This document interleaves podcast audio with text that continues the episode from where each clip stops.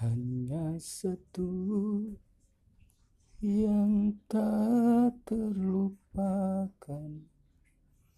Kala senja di gereja tua. Waktu itu hujan rintik-rintik. Kita berteduh di bawah atapnya